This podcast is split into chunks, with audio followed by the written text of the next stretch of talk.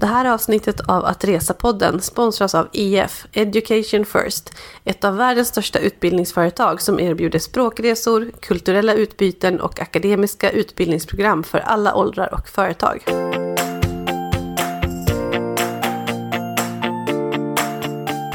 Hej! Ni lyssnar på ett nytt avsnitt av Att Resa-podden.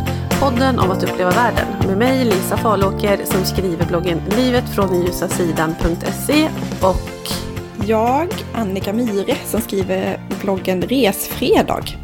Det här avsnittet spelar vi in på Downtown Camper by Scandic i Stockholm. Vi är här för att prata om ett ämne som ändå har format oss till de vi är och faktiskt gör att vi sitter här idag och pratar om resor, tänker jag. Ja, men verkligen. Vi ska prata om att plugga utomlands eller faktiskt att resa för erfarenheten. Lite grann om hur man faktiskt bygger sin person inom resor och framförallt då tidiga upplevelser som vi har inom det området. Vi har ju pratat om att resa ensam tidigare och hur det har byggt oss och vi har pratat om generellt hur våra resor har påverkat oss. Men om vi tittar tillbaka lite grann i tiden och just det här med att utsätta sig för att leva i ett annat land en period. Mm. Första gången jag åkte iväg för att läsa utomlands var under en sommar. Alltså på sommarlovet på juristlinjen mellan två av terminerna så läste jag spanska i Barcelona. Och eh, det har vi pratat om innan i ett avsnitt, men det var en grej som jag blev inspirerad att göra av en klasskompis som hade varit nere. Och jag tyckte det var så fantastiskt att kunna utnyttja tiden mellan terminerna. Inte förlora någon studietid, men ändå få den här erfarenheten av att läsa utomlands. Och också komma bort från juridikstudierna och göra något helt annorlunda. Läsa spanska som var så långt bort från paragrafer och lagtext som man bara kunde komma. Riktigt smart alltså. Jag gjorde ju studieuppehåll för att få resa. Men eh, kan du någon spanska idag? Ja, men jag kan faktiskt det. Jag inser att jag förstår mycket, mycket mer än vad jag kan prata. Men när jag väl, när jag börjar prata så kommer det tillbaka på något konstigt sätt. Jag tror att jag skulle plocka upp det ganska snabbt om jag bodde i ett land där de pratade spanska. Mm. Du pluggade ju där sa du. Var du på universitetet eller? Nej, det var en språkskola, ett språkinstitut som jag fick tips om av den här kompisen då som också hade pluggat där som rekommenderade det för mig. Eh, Barcelona, alltså jag kan tänka mig att du har varit tillbaka några gånger. Det är en sån här klassisk weekendstad. Har du någon extra kärlek i kroppen? För så kan det ju vara med sånt där som man har upplevt kanske när man var lite yngre eller varit en längre period. Att det blir en viss känsla i den staden. Det är så märkligt för faktum är att jag hade en sådan fantastisk tid i Barcelona under den sommaren. Så jag har inte vågat åka tillbaka. Mm. På något sätt vågar jag inte riskera att den där kärleken som jag känner nu efteråt inte ska finnas kvar. För att det är, du vet, sommaren i Barcelona. Mm. Men jag vet att jag kommer åka tillbaka och att det kommer vara annorlunda. Alltså det här var ju ändå, det här var 2002 många år sedan nu. Mm. Det kommer vara en helt annan stad än den som jag upplevde då. Så ja, jag behöver åka tillbaka någon gång. Men jag har definitivt en speciell känsla för stan. Efter den mm, sommaren så blev jag så inspirerad av att plugga utomlands igen. Så att det dröjde inte lång tid innan jag började sätta mig med ansökningshandlingarna till ett eh, utbytesår med skolan via universitetet och läsa Erasmus-stipendiat en termin i Berlin. Och det gjorde jag då året efter. Och var det då direkt förlängning av dina studier så att du pluggade juridik där också eller? Ja, precis. Ja. Jag hade egentligen läst klart juristlinjen. Men arbetsmarknaden var inte superhet när jag kom ut och jag tänkte hur kan jag kombinera mitt reseintresse med studierna på något sätt, något smart sätt som inte behöver kosta jättemycket pengar och ändå att allting är ordnat för en. Alltså det är ju sån otrolig förmån att kunna plugga inom ramen av utbildningen som du läser. Så jag åkte ner ett halvår och läste juridik på tyska och på engelska, vilket var en extrem utmaning och jag vet knappt om jag hade vågat göra det idag, men det var så självklart för mig. Alltså tyska paragrafer, Ja, men du? verkligen, det är sjukt imponerande. Klarade du dig igenom kurserna och kunde du liksom ta till dig lika mycket som du gjorde i Sverige? Ja, men på något sätt så gjorde jag faktiskt det. Jag vet inte riktigt hur det gick till, men det gick bra ändå. Alltså jag klarade alla tentorna och det var inte bara godkänt, utan jag fick högre betyg. Och faktum var att jag, jag, skulle egentligen bara stanna en termin, men jag tyckte om det så mycket och jag fick också en tjänst som trainee på en advokatbyrå eh, genom kontakter på min eh, skola eller på universitetet där nere i Berlin. Så jag stannade en termin till för jag, jag var absolut inte redo att åka hem. Jag ville stanna. Och Berlin har jag varit tillbaka till flera gånger och det är också en sån stad som jag tänker att jag gärna skulle bo i igen. Alltså jag vill åka dit med familjen. Jag vill att de ska förstå storheten i den här stan som inte alls var hipp när jag var där. Idag är ju ändå Berlin en av de hetaste weekendresmålen för svenskar åka dit. Mm. Det var inte det när jag var där. Jag pluggade en eh, termin i Melbourne i Australien. Och det var också när jag gick på universitetet, så jag läste IT och ekonomi där. Och det är också, alltså jag har så otroligt många bra minnen från Australien. Och från att ha varit där och verkligen levt livet som man gör där. Jag tror att det är det som är det absolut bästa med att plugga utomlands och inte bara resa någonstans. Det blir en helt annan sak. Och apropå hur mycket det formar en, så jag vet jag lyssnade på Hanna och Amanda. Jag lyssnar inte på den podden så jätteofta nu för tiden, men det var något avsnitt som jag hörde i alla fall. Och då hade de fått en fråga från en person som skulle åka utomlands och plugga. Och sen frågade så här, men nu har jag träffat en kille och jag är så himla kär i den här killen.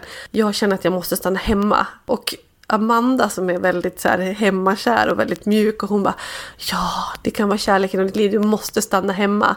Och Hanna bara, nej men hon är dum i huvudet, hon måste ju åka, åk! Och jag kände ju hela min kropp bara, åk, de kan inte ge det här rådet. Alltså hur mycket Amanda än är liksom romantiker så måste de säga åt den här tjejen att hon ska dra. Att kasta sig ut, att åka, det är det bästa. Det finns ingenting att tveka på. Nej, och jag skulle säga att om det är sann kärlek så vänta personen tills du kommer hem igen. Ja, faktum är att jag faktiskt träffade min man Henke precis innan jag åkte till Melbourne. Vi träffades i september när vi pluggade. Jag fick nog lite små panik tror jag och sökte till Australien efter att vi hade träffats. Efter till och med? Ja, och jag vet att hans föräldrar sa att ah, det var ju otur att nu när du har träffat Lisa och, och ni liksom är så pass kära och så att, att hon faktiskt ska åka till Australien. Vilken dålig timing Och jag bara, mm, jo men jag har precis sökt det. men det blev ju bra i alla fall, uppenbarligen. Tre barn senare. Ja men exakt, och väldigt många år. Men du, var det självklart för dig att faktiskt plugga utomlands? Vad var hela bakgrunden? Hade du föräldrar som uppmuntrade dig? Var det kompisar eller varifrån fick du inspirationen till att åka iväg? Jag hade rest på en långresa året innan och då tagit studieuppehåll faktiskt en termin för att jag ville verkligen ut och se världen och var borta ganska länge så att jag såg inte att det fanns något annat alternativ. Och eh, hade längtat efter att resa länge, liksom hela gymnasiet och min brorsa var på språkresa för övrigt, en sån här lite mer klassisk, och åkte över till England och jag ville göra det, jag vet inte varför inte det blev av. Men jag hade verkligen längtan bort. Jag tog det här studieuppehållet och reste runt i Asien ett drygt halvår, som många gör liksom som sin första resa. Och sen när jag kom tillbaka till universitetet så insåg jag att om jag ska göra en sån här resa igen så måste jag nog ta tag i det nu. För när jag väl börjar jobba så tror jag att jag kommer bara fokusera på jobbet. Att jag kommer vara liksom för ambitiös för att tro att jag ska kunna ta ett uppehåll från ett arbete så länge. Den chansen kommer nog inte finnas kvar längre. Så jag fick nog lite så här små panik och bara inte redo för vuxenlivet riktigt och förstod väl själv att det skulle trilla på i ganska så snabb takt efteråt. Så det var därför jag sökte till Australien och ville bara skynda mig att få in en sån termin innan det blev slutår i, på universitetet med uppsatser och att jag skulle bli färdig. Så jag förlängde egentligen min utbildning med ett halvår och klämde in en extra kurs, eller extra kurser som det var i Australien. Och det har jag inte ångrat en sekund. Och du då, kommer du hemifrån eller inifrån? I mitt fall så är det verkligen, verkligen hemifrån. När jag växte upp, när jag var liten, så jobbade mamma extra med att intervjua au pairer och utbytesstudenter som skulle ge sig ut. Man behöver ju rekommendationsintervju i vissa fall för att åka iväg, särskilt som au pair såklart. Men hon var kontaktperson för olika organisationer som anordnar sådana här typer av resor. Och det slutade med att vi fick hem flera utbytesstudenter till familjen. Så trots att vi var en väldigt stor familj så har vi haft tre stycken utbytesstudenter i kortare eller längre perioder. Och de två som gjorde störst intryck på mig var dels en tjej från USA som kom 89, jag var nio år, hon har precis varit utbytesstudent i Japan, så hon kom med massa japanska gåvor till oss barn. Alltså jag fick någon sån här fint skrivblock med geisha på mig, en pingla som jag fortfarande har kvar och som än idag har fått mig att längta till Japan. Och det var så häftigt att ha henne i huset. Hon kom in som en frisk fläkt, hon, hade, hon var väldigt amerikansk i sitt sätt och lärde oss barn en massa om USA och kulturen där och vi började fira, ja men visa hur man firar halloween och Thanksgiving och allting som är självklart i Sverige idag men som absolut inte var det då.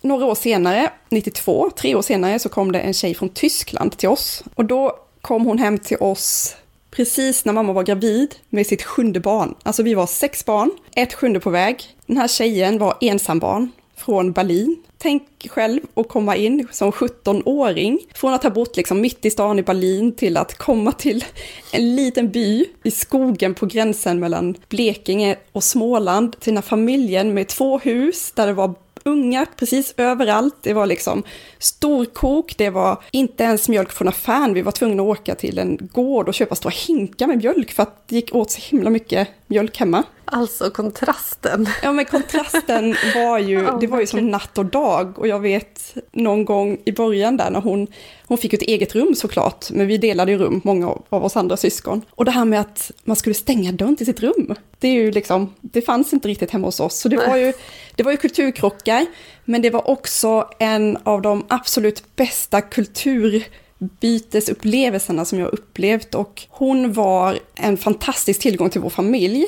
Och hon är idag verkligen en syster till oss, alltså vi kallar henne vår syster.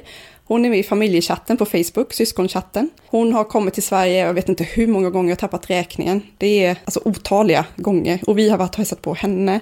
Hon kommer på somrarna, hon kom såklart hem till mina föräldrars begravning och var med oss syskon och tände ljus. Alltså hon är en av oss. Men det är ju helt fascinerande. Alltså, snacka om en sliding doors-upplevelse. Alltså, hon kommer som 17-åring till Sverige och får den här upplevelsen. Och det måste ju ha förändrat hennes liv totalt. Eller ja, det gjorde ju det uppenbarligen. Och ert också.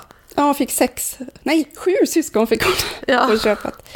Ja men verkligen, alltså det går inte ens att förklara. Och just det här med att ta chansen och plugga utomlands, det kan vara en klyscha, men i det här fallet så förändrade det våra liv, alltså både hennes liv mm. och vårt liv. Och det är så otroligt häftigt och mäktigt. Och hon är såklart också en av anledningarna till att jag sen sökte till Berlin som student senare, som jag precis berättade. Då bodde jag hemma hos hennes familj först, hos hennes föräldrar ett halvår och sen stannade jag ett halvår till och bodde inne i, inne i Berlin. Så det, man inspireras av varandra och det handlar lite om att ge. Hon bodde hos oss och sen bodde jag hos dem och det, ja, jag blir lite nyfiken nu på vilken eh, väg hon valde. Bor hon inne i Berlin i storstad eller bor hon på landet nu? Hon bor i Berlin i stan. Ja, hon gör det. Men hon kommer ju till Sverige varje ja. sommar och får sin beskärda del av landsbygden. Men just det där med att bo i familj kan ge så himla mycket. Jag var inte på ett sånt långt utbyte när jag var, gick på gymnasiet, men i alla fall en vecka med skolan. Och så bodde vi i familjer då, och hade liksom en skolklass som vi hade utbyte med. Och jag kommer verkligen ihåg, alltså, jag kan fortfarande se framför mig deras lilla vardags vardagsrum och den lilla tältsängen som jag fick bo på där mellan två bokhyllor och vad vi åt, hur det såg ut vid deras matbord där vi satt och pratade på kvällarna och hur man också fick ta sig fram med språket. Jag blev verkligen duktig på tyska när vi var där. Inte för att ni ska fråga mig någonting på tyska idag. jag kanske fattar. Men eh, tappat otroligt mycket av språket. Men det var ju bara en vecka. Så att, ja. Och hur gammal var du då? Eh, jag måste ha gått i typ tvåan på gymnasiet kanske. Mm. Ja.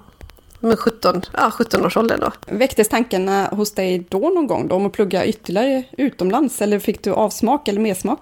Nej, men absolut mer smak och ville tillbaka. Men jag har nog alltid haft lite stress i det här, äh, hinna med plugga och när ska man göra det och liksom inte kunna pausa så mycket och så. Men eh, samtidigt så, jag åkte till Australien sen så jag har gjort det också. Däremot så var jag ganska dålig på engelska faktiskt. Eller ganska bra på språk generellt, men det är ett uselt uttal. Så jag gjorde en sommarkurs på Gotland och bara läste engelska och det var ju då jag insåg att men gud, jag ligger verkligen liksom lite efter här. Så det var nog min resa till Australien som gjorde att det föll på plats ordentligt och nu har jag ju inga problem med det. Jag jobbar på engelska varje dag och jag känner mig superavslappnad verkligen att prata engelska. Ja, det, jag är glad att jag har tagit de, de turerna jag har gjort i alla fall. Jag har gjort jättemycket för mitt språk. Du vet att du är på god väg när du börjar drömma på språket i landet du befinner dig. Ja, verkligen. Och det var verkligen när jag var i Australien och det var att plugga där i ett halvår. det var verkligen ett sånt tillfälle där jag drömde på engelska, utan tvekan. Sen är det så mycket dialekt i Australien så jag kan tycka att det faktiskt var ganska svårt också. Att ska man lära sig riktigt bra engelska finns det ju bättre ställen. Pratar du med lite australiensisk engelsk dialekt idag, tror du? Nej, absolut inte. Men däremot har jag nog vissa uttryck som fortfarande hänger kvar. Typ... Eh, Good day mate. Ja, exakt. Nej, men jag säger ju sällan så här, no problem. Jag säger oftare, no worries. Det, och det är verkligen så här super australiensisk sak som jag tror folk kanske i vissa länder hajar till för att det är inte så vanligt att bara No worries, no worries mate, säger jag kanske inte, men ja, ja. Men har du varit tillbaka i Australien efter din utbytestermin? Jag har varit tillbaka i Australien, men inte i Melbourne. Men vi åkte också på mycket resor till Tasmanien, runt om i Victoria och upp till Sydney. Och till Sydney har jag varit tillbaka. Men jag skulle jättegärna åka tillbaka till Melbourne, verkligen. Men en annan sak, förutom att jag lärde mig så mycket med språket så var det liksom så himla givande och kul med en helt annan pluggmiljö. Alltså hur det funkar på skolan där. Jag bodde på korridor, vilket jag inte gjorde hemma, men så att eh, jag var ju verkligen integrerad i, i det australiensiska livet där. Hur man umgicks där, det är mycket det här grillandet, mycket så här barbecue med så här stor grill och mycket människor, precis som i USA skulle jag säga. Men det jag mest har med mig, vad jag lärde mig om människor vad gäller att det var en helt annan kultur, att det, de var så otroligt gästvänliga. Jag vill komma ihåg avsnittet med Helena Olmås som vi har haft här i Att resa-podden. Hon pratade om att resa genom Nya Zeeland och hur folk ofta bjöd in henne till sitt hem och så. Och så var det verkligen i Australien. Jag tror att de jag umgicks med där, för jag kom dit helt själv från min skola, de verkligen värnade om mig och tog hand om mig. Tog med mig på, bara det att det var en kille i min korridor som hade bil, eller nästan alla hade bil, men jag hade ju uppenbarligen ingen bil i Australien förstås. Eh, så att han lät mig alltid få skjuts överallt för att ja, men vi måste se till att Lisa kommer fram helt enkelt. Eh, jag hade flera, flera kompisar där som tog med mig hem till deras familjer, precis så som ni gjorde med utbytesstudent, men i mindre skala. Men bara följ med hem till mig en helg och på landsbygden och ville visa det bästa av det stället som de kom ifrån. Så i jättemånga år framöver så levde jag efter någon form av så här pay it forward-grej. Att jag vill göra samma sak för människor som kommer till Sverige. Och jag började fatta och se på min egen uppväxt och där jag kommer ifrån med helt andra ögon. Att ja, det kan ju vara jättekul att komma till Dalarna och få den här upplevelsen som för mig har varit att jag har tagit den för given jag åka runt Siljan. Jag vet inte hur mycket människor jag tog med upp till mina föräldrar. Fick bo i mitt barndomshem. Och sen så var vi ute och bara åkte runt i Dalarna. Och mina föräldrar, de var inte särskilt high på engelska. Jag tror att de kan ha tyckt att det här var lite jobbigt. Men de fick ju bara gilla läget. Och så var jag under jättemånga år. Och folk som kom hem och bodde på min soffa hemma i Stockholm. Men jag hade inte själv tid att ta hand om dem. Utan istället fick kompisar göra det. Så en kompis, Johan, han tog med någon Chris från Australien runt och visade rensade slott slottet och var en hel dag, för han var mellan jobben, Johan, medan jag inte alls hade tid för för de här personerna. Så att, ja, jag lärde mig att det finns ett annat sätt att leva med än det här lite tillknäppta eller reserverade stilen som vi har i Sverige. Och med det sagt så är ju er familj lite något av ett unikum som har gjort det från början. För för mig har det varit mina resor som har gjort det. Och sen är jag ganska dålig på det idag faktiskt. Jag skulle önska att jag var bättre på det. Ja, det är intressant för jag reagerade på att du sa det. Under flera år levde du efter den devisen. Mm. Som att du har slutat med det idag. Ja, lite så tyvärr. Men jag har tänkt på det mycket och vi har liksom vänner som vi har erbjudit vi har ju ett gästrum hemma och vi träffade en, vi träffade en australiensisk familj faktiskt när vi var på Bali. Som vi sa, att men ni måste ju, eller de ville åka till Sverige. Ja, men kom och bo hos oss och så skulle vi försöka få ihop det här i somras och vi tänkte att nu, nu har vi chansen igen. Det var så många år sedan senast. Men eh, det föll inte helt ut till slut så. Men eh, ja, jag saknar den sidan hos mig själv så att nu blev jag lite påmind om det. Men det är verkligen, som du säger, en av de stora fördelarna upplever jag med att plugga utom utomlands eller befinna sig utomlands av någon anledning att du får en annan bild av världen. Alltså det är så mycket enklare att hitta sidor av dig själv som du inte trodde eller visste fanns, som nästan tvingas fram för att du har inget alternativ. Du kommer till en ny plats, du känner ingen, du blir, du blir tvingad att prata med människor. Du får gå utanför din egen bekvämlighetszon helt enkelt, vare sig du vill eller inte. Och det är så otroligt nyttigt och jag upplevde att jag växte så mycket som människa. Och igen, det kan vara en klyscha, men det var så. Jag kunde känna att jag själv i min personliga utveckling kom jag mycket längre under den här begränsade tiden än vad jag sen kom under flera år hemma i Sverige. Där jag hade mina invanda rutiner, träffade ungefär samma människor. Alltså otroligt ja, nyttigt. Ja men verkligen. Och även om vi nu pratar ofta om att resa och vad man lär sig från sina resor och insikt i kulturer så finns det inget annat bättre sätt att få insikt i en annan kultur än att faktiskt leva där ganska länge och behöva bli integrerad. Och genom att vara och plugga på ett annat ställe och kanske bo i en familj till och med, eller i en korridor, eller det är ju integration på riktigt. Man får en kultur serverad och man får bara anpassa sig och man förstår snabbt hur det fungerar i det landet och tar med sig många delar med sig hem. En annan sak som jag tänker på är självständigheten.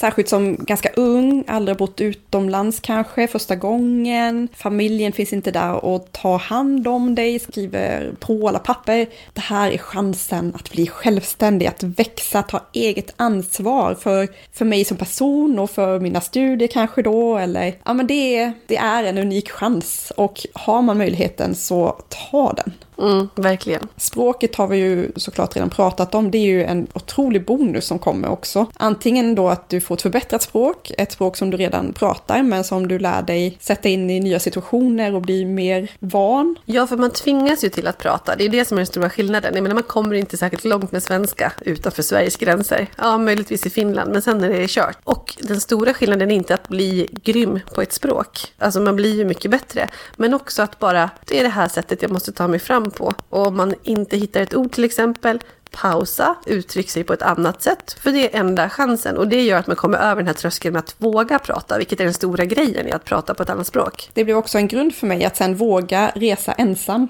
i andra sammanhang. Båda de här resorna, utlandsvistelserna, där jag pluggade utomlands reste jag helt ensam. Jag skulle uppmuntra faktiskt att göra det. Åk inte med en kompis, även om ni är bästisar och verkligen liksom är supertajta och ska göra det här som ett äventyr. Försök att tänka tanken att du ska klara det själv, för att det kommer ge ge dig mer, skulle mm. jag säga. Alltså, det här är mina personliga åsikter, men jag tror definitivt att du tjänar på att resa ensam, om du vågar. Man ska se till att våga, även om man tror att man inte vågar, för man klarar mer än vad man tror. Men du Annika, med det sagt, Kommer du uppmuntra dina barn till det och skicka iväg dem på, på språkresa? Eller till att plugga utomlands? Ja, jag kommer bli väldigt besviken om de inte kommer iväg.